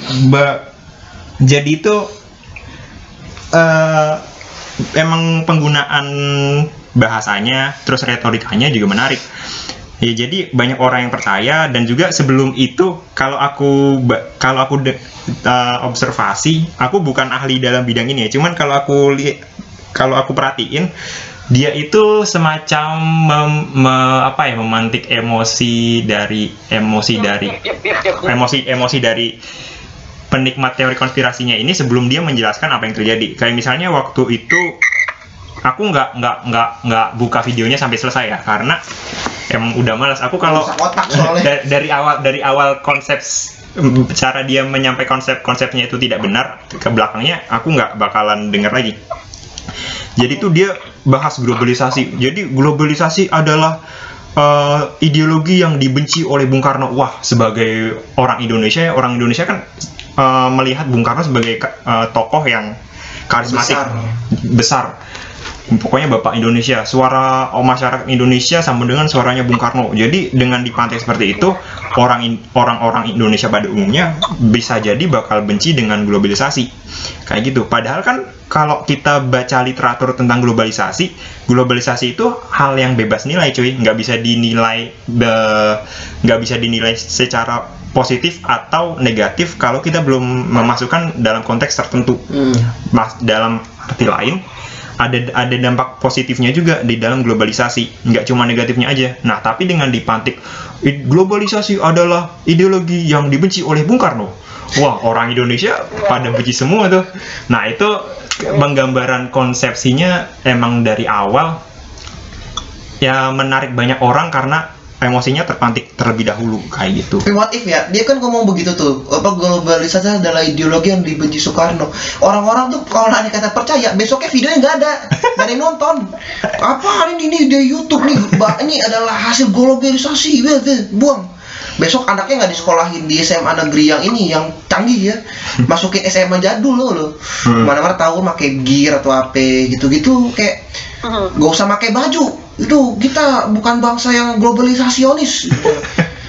Wah gila sih kalau sampai ada yang seperti itu ya. Aduh kemunduran coy. Parah. Kacau ya orang udah nyiptain robot nih nih Eh. udah nyampe bulan nih Iya. kita masih mikirin globalisasi adalah ideologi orang yang dibenci apa gimana anjir Ya, Iya, jadi jadi gitu deh. Em, saranku bacalah banyak buku ya, jangan cuman satu buku. Dengan kata lain, ya kon- baca konspirasi boleh. sebagai Dengar hiburan sebagai ya nggak ya kalau kalian mau mempercayai itu juga boleh. Cuman semakin banyak kamu baca buku, semakin banyak kamu tahu. Malah yang bahaya adalah ketika kamu cuman baca satu buku. Lebih baik nggak nggak baca buku sama sekali daripada cuman baca satu buku. Iya. Karena ya itu kalian bisa jadi snob. benar Yang jelas ya, konspirasi jangan jadiin pedoman dah, apalagi pedoman hidup. uh parah berpedomanlah kepada Al-Quran dan kitab-kitab agama lain sesuai penganut anda dan juga peneliti karena itu adalah hal yang baik untuk anda Iya. jaminan udah itu jaminan udah percaya ada kayak gitu-gitu deh jangan percaya konspirasi apalagi di YouTube yang pakai suara Google Translate udah jangan jangan didengerin kayak begitu ya Allah sedih Betul. orang tua lu lihat kayak begitu ya Allah sedih orang tua lu bener Nah, Mama lo lihat tong. mama lu lihat Eh udah satu jam nih, bapak eh. lu. udah satu jam nih, udah satu jam. Kita balik lagi nih ke health security. Nah, jadi health security ini ya kasusnya sebenarnya kalau kita merhatiin isu-isu internasional, ya itu tadi em, yang pertama politik yang kedua ekonomi yang ketiga lingkungan. Kita recap dulu aja ini. Eh, ya terus yang ke health security ini masih bawa bawa bawa bawa bawa bawa masih belum prioritas karena emang bahayanya belum begitu kelihatan waktu itu. Beda mungkin kalau ekonomi kalau ekono kalau politik emang dasarnya pemerintahan emang kan politik bahkan dunia. Yup.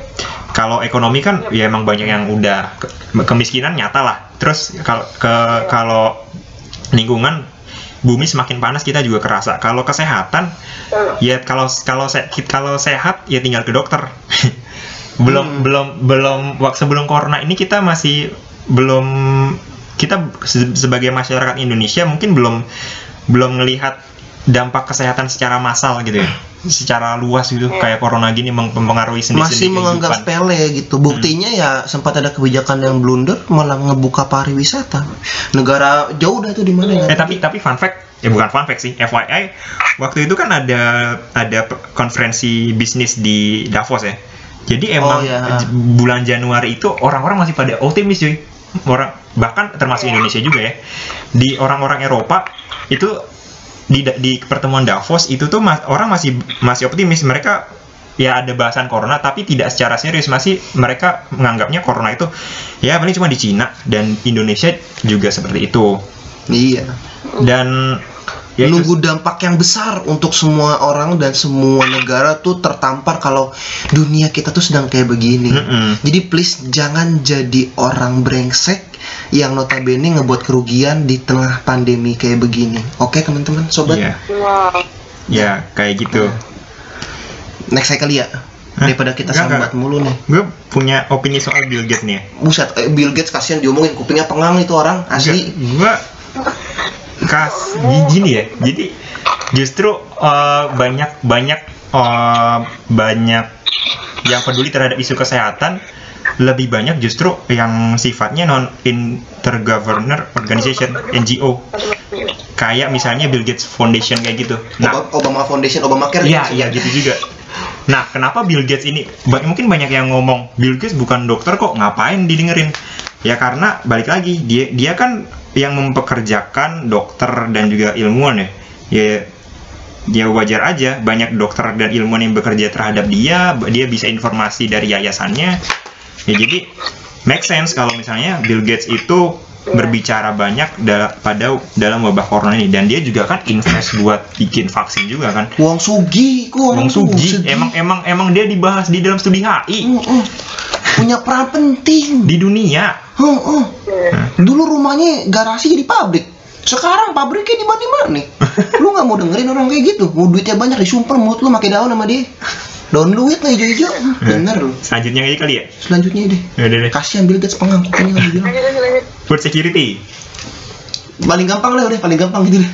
Nah jadi gini, food security. em, ka- karena masa pandemi gini, kita du waktu itu aku ingat banget waktu mas awal-awal pandemi itu presiden kita tercinta Pak Jokowi itu tuh eh, sempat masuk ke gudang gudang beras. Itu banyak banget. Itu secara secara apa ya secara psikologis atau apalah itu. Dia itu ngasih pesan kalau ya stok Indonesia untuk beberapa bulan ini loh stok Indonesia stok pangan Indonesia untuk beberapa bulan ke depan masih aman.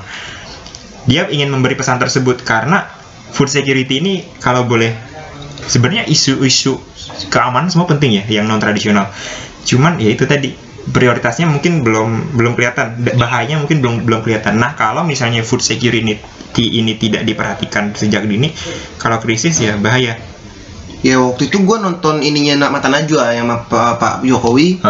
Dia itu punya tujuan yang membuat gue sedikit bias karena untuk menenangkan masyarakat agar tidak panik buying, agar tidak terjadi kesalahpahaman seperti itu. Makanya ya kita lihat sendiri Kementerian Kesehatan kita bilang itu kayak flu biasa sebelumnya. Ah, Habis itu Pak Jokowi dengan entengnya buka pariwisata, dia mungkin mencoba bukan dinaya tapi mencoba buat ya ini tuh ini ini tuh bisa kita selesaikan dan membuat masyarakat tenang pada awalnya.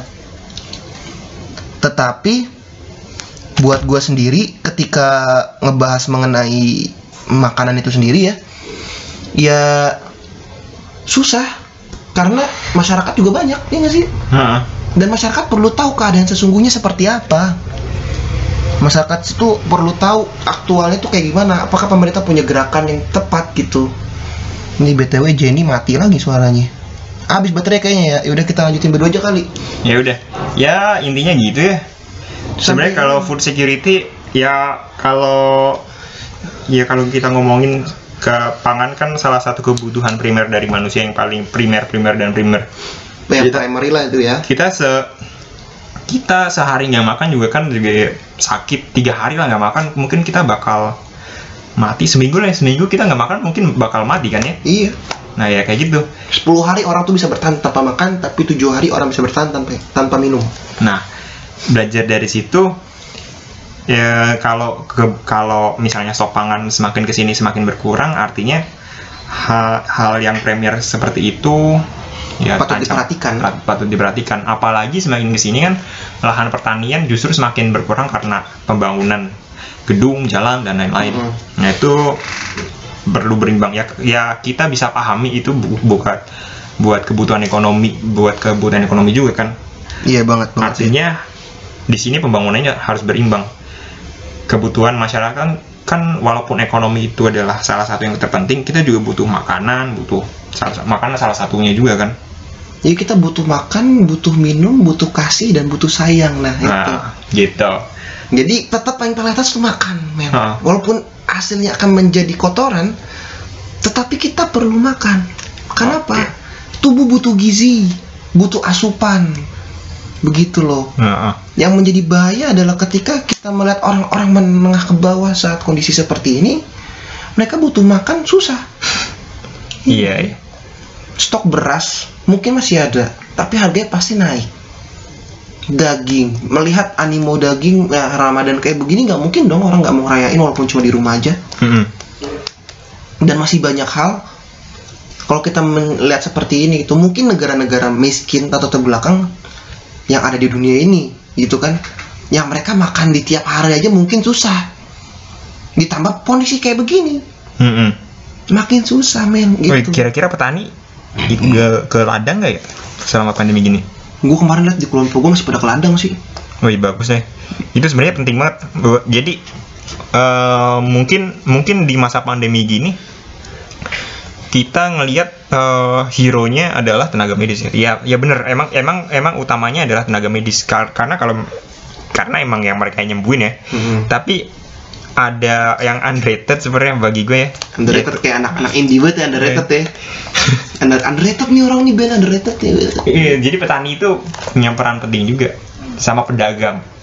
Kalau karena kalau misalnya nggak ada mereka ya kita mau dapat makanan dari mana kan? Kita nggak Iya. mau berburu di laut.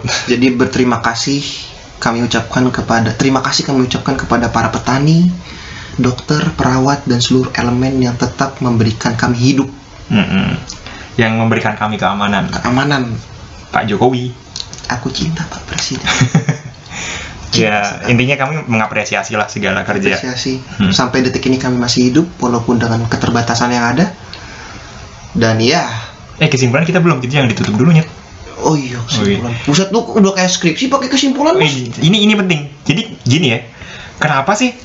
Gue punya gue punya asumsi kenapa sih eh, kesehatan sangat di da- dulu sebelum pandemi kurang diperhatikan. Gue punya jawaban yang sebenarnya nggak nggak kuat sih. Cuman ini asumsi gue aja karena fokusnya terlalu banyak. Ya ini sebenarnya security studies itu yang non tradisional nggak cuma itu aja, masih banyak hal yang lain Masih lagi. banyak. Tapi kita ya, kita dapat dan kita merangkum hal yang paling penting sekarang seperti ini. Iya. Dan terutama kita punya kasus yang serupa yang terjadi pada bulan ini dan mungkin tahun ini gitu.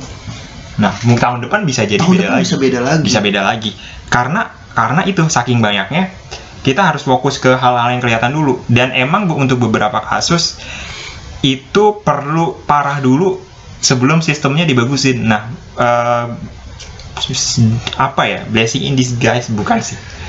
Mau kayak hal yang mungkin bisa lebih baik adalah sistem kesehatan ya pasca pandemi ini karena ya emang sebelum pandemi kesehat, sistem kesehatan kita masih buruk kan Iya. karena emang kesehatan tuh masih perlu diperhatikan perlu lah, diperhatikan gitu. karena emang belum kelihatan da- dampak yang serius seperti sekarang.